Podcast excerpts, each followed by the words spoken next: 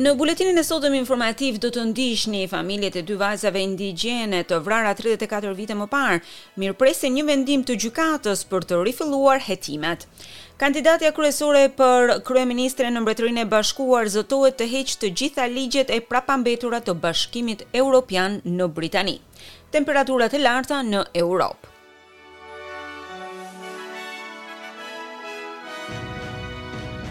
Fillojmë gjerësisht me lajmet. Një vendim i prokurorit të New South Wales për të rifilluar një hetim rreth vdekjes së dy vajzave indigjene është mirëpritur nga familjet e viktimave. Hetimet kanë filluar tridhjetë e katër vite më parë, kur Mona Smith dhe Jacinta Smith, kushërira të moshës pesëmbëdhjetë dhe gjashtëmbëdhjetë vjeçare, u gjetën të vdekura në anë të rrugës pas një aksidenti rrugor në afërsi të qytetit të Bourke. Hetimi u pezullua gjatë gjykimit të një mashkulli jo-indigjen, i cili nuk është më, por që në atë kohë u akuzua për drejtim të mjetit në gjendje të dehur, gjë që rezultoi në vdekjen e viktimave. Ai u lirua nga një juri e përbërë nga jo-indigjenë. Pas marrjes së çështjes, avokatët që përfaqësojnë familjet kanë dalë përpara qeverisë me argumentet e duhura që hetimet të rifillojnë. Avokati George Newhouse, drejtor i grupit të Projektit Kombëtar të Drejtësisë, thotë se familjet po kërkojnë zgjidhjen e menjëhershme të çështjes. Of course the family want to get to the truth of matter, Sigurisht që familjet duan të arrijnë në të vërtetën e kësaj çështjeje. Ata duan të dinë më shumë pas hetimeve dhe sa më parë. Do të dalin në pah se sa gabime bënë hetuesit në këtë rast, tha ai. Komisionerja për Diskriminimin Racor, Chin Tan, thotë se do të dëshirojë të shohë më shumë hapa në drejtim të formulimit të një plani kombëtar dhe konkret i cili do të përfshijë statistika zyrtare mbi incidentet e racizmit në Australi. Lajmi vjen pasi ka patur një rritje të ndjenjës antiraciste dhe diskriminimit kundër grupeve indigjene, hebreje dhe muslimane, këto të dokumentuara nga grupet e komunitetit që me shpërthimin e Covid nëntëmbëdhjetë. Komisioneri Tan thotë se strategjia kombëtare e bashkërenduar do të bashkojë qeveritë, organizatat joqeveritare, bizneset, arsimtarët dhe agjencitë e të drejtave të njeriut. Ministri federal shumëkulturor Andrew Giles muajin e kaluar u zotua që të zhvillojë një standard kombëtar për mbledhjen e të dhënave mbi komunitetet shumëkulturore, të cilat do të ndihmojnë në vendimmarrjen dhe shpërndarjen e burimeve federale dhe fondeve. Ish-ministrja e Punëve të Brendshme, Karen Andrews ka mohuar të ketë bërë presion ndaj autoriteteve kufitare për të nxjerrë informacione rreth mbërritjes së një anije me azilkërkues në ditën e zgjedhjeve. Gjatë ditës së zgjedhjeve, i gjithë elektorati mori mesazhe nga Partia Liberale duke thënë se të gjithë duhet të votonin për këtë parti në mënyrë që t'i mbanin kufinjtë të sigurt, sidomos në ditën e mbërritjes së anijes.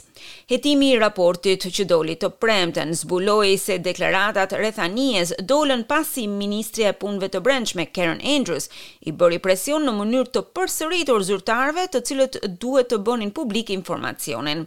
Por zonja Andrews e ka mohuar këtë dhe thotë se thjesht po reflektonte dëshirat e ish-kryeministrit rreth lëshimit të deklaratës.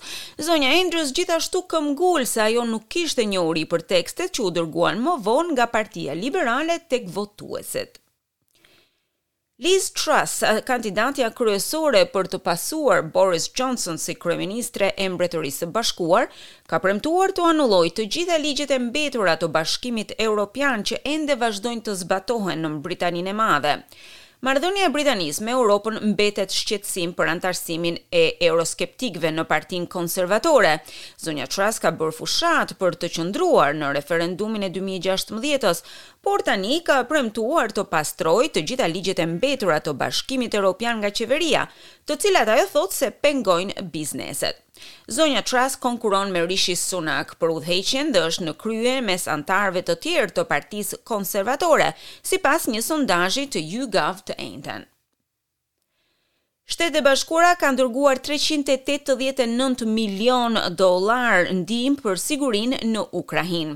Paketa përfshin sisteme shtesë raketash me rreze të mesme, drone taktike, të cilat janë thelbësore në luftën e Ukrainës kundër Rusisë.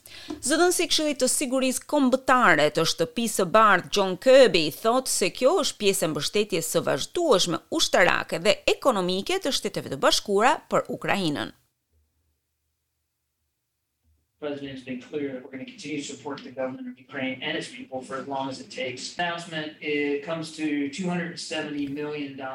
e ka bërë të qartë se ne do ta mbështesim Ukrainën dhe popullin e saj për aq kohë sa duhet. Ky njoftim arrin në dyqind e shtatëdhjetë milion dollarë ndihmë shtesë për sigurinë, për t'u bashkuar me njëqind milion dollarë për USAI Phoenix Ghost, të cilat më pas do të administrohen së bashku me njëqind e shtatëdhjetë e pesë milion dollarë të tjerë. Ky është i fundit e çon totalin e ndihmës së sigurisë së Shteteve të Bashkuara për Ukrainën nga administrata Biden në njëmbëdhjetë miliard dollarë. Australia do të bëhet vendi i parë në botë i cili do të hapë një regjistër në të cilin do të regjistrohen personat me çrregullime gjenetike rreth një sëmundjeje e cila shkakton që trupi të thithë nivele të rrezikshme hekuri. Dihet se një në dyqind australianë janë në rrezik të lartë gjenetik për zhvillimin e hemokromatozës, e cila trajtohet me dhurime të rregullta gjaku. Regjistri do të ketë një bazë të dhënash në kërkimin mbi rolin e hekurit për problemet kronike shëndetësore, duke përfshirë këtu sëmundjet e mëlçisë, artritin, diabetin dhe sëmundjet e zemrës. E një grup i ri i studentëve të gjuhëve të huaja janë vendosur si pjesë e rangut të përkthyesve të rinj brenda qeverisë së New South Wales. Qeveria shpreson se më shumë se dyzet të diplomuar të programit të bursave për përkthime do të jenë në gjendje të plotësojnë një boshllëk të rëndësishëm në shërbimet e përkthimit për një sërë gjuhësh kryesore. Të dhënat e fundit të regjistrimit treguan se më shumë se pesë milionë australianë flisnin një gjuhë tjetër përveç anglishtes në shtëpi, një rritje prej tetëqind mijë që nga regjistrimi i fundit. Një nga të sapodiplomuarit, Lidia Çalite Ama flet thai dhe ajo mbriti në Australi kur ishte katërmbëdhjetë vjeç. Ajo thotë se është tërhequr gjithmonë nga përkthimet si një aftësi e veçantë, pasi e kupton shumë mirë rëndësinë e komunikimeve të duhura. You wouldn't believe it, language is so important because even accessing information, you know, they need to go to a doctor.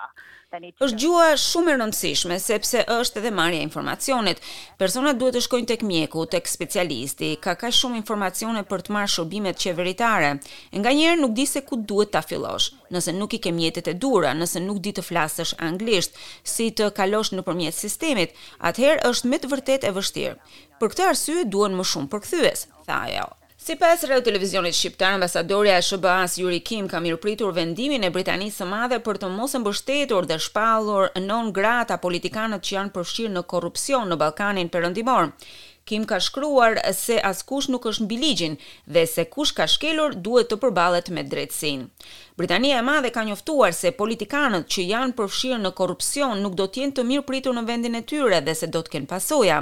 Në këtë mënyrë, Britania e Madhe i bashkohet Shteteve të Bashkuara në lidhje me qëndrimin që do të mbajnë për politikanët që janë përfshirë në korrupsion dhe në minim të demokracisë, thotë RTSH-ja.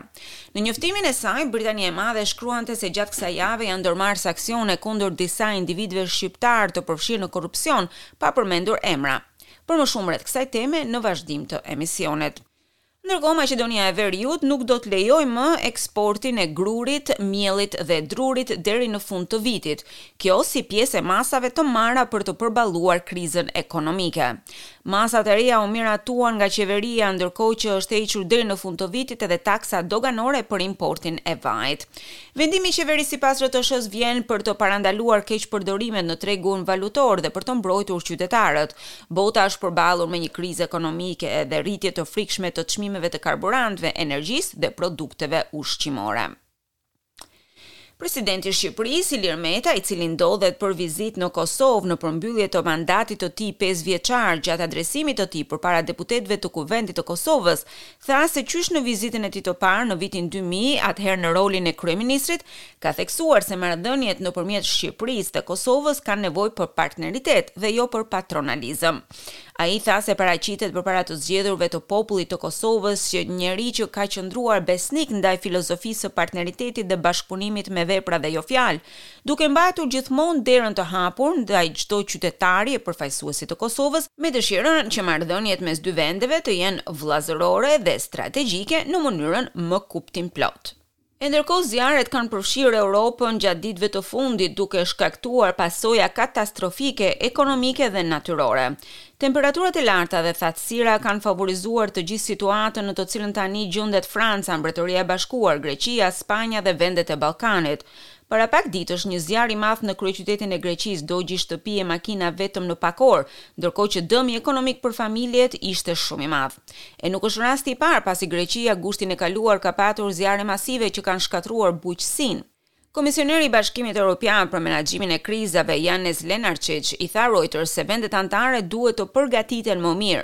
Në një raport të fundit, zbulohet se Greqia, Spanja, Portugalia, Italia dhe Franca kanë shpenzuar deri në tetëdhjetë për qind të fondeve në dispozicion për ndalim dhe vetëm njëzet për qind për parandalimin e katastrofave.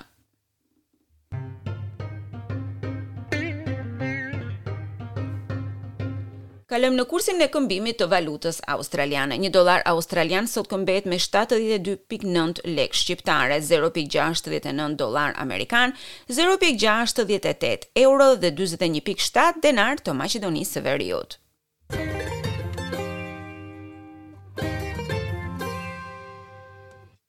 Kalojmë në sport. Drejtori i World Wrestling Entertainment, Vince McMahon, është tërhequr nga detyra pas hetimeve për sjellje të pahijshme.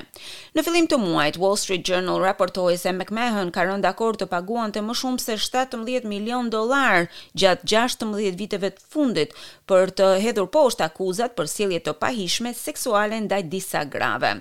Katër gra, të cilat të gjithë kanë punuar më parë me WWE nënshkruan marrëveshje me McMahon, e cila i ndalon ato të diskutojnë marrëdhëniet e kaluara me të.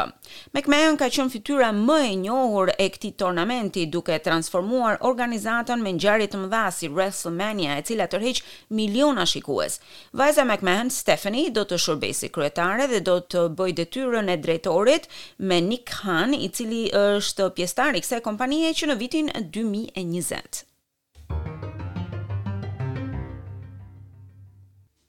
Kalojmë në parashikimin e motit. Këto janë temperaturat që u regjistruan sot në të gjithë Australinë. Në Sydney 11-18, Melbourne 9-15, Brisbane katërmbëdhjetë njëzet e një, Perth njëmbëdhjetë tetëmbëdhjetë, Adelaide katërmbëdhjetë shtatëmbëdhjetë, Canberra katër pesëmbëdhjetë, Hobart gjashtë pesëmbëdhjetë, Darwin, Darwin pesëmbëdhjetë tridhjetë gradë Celsius.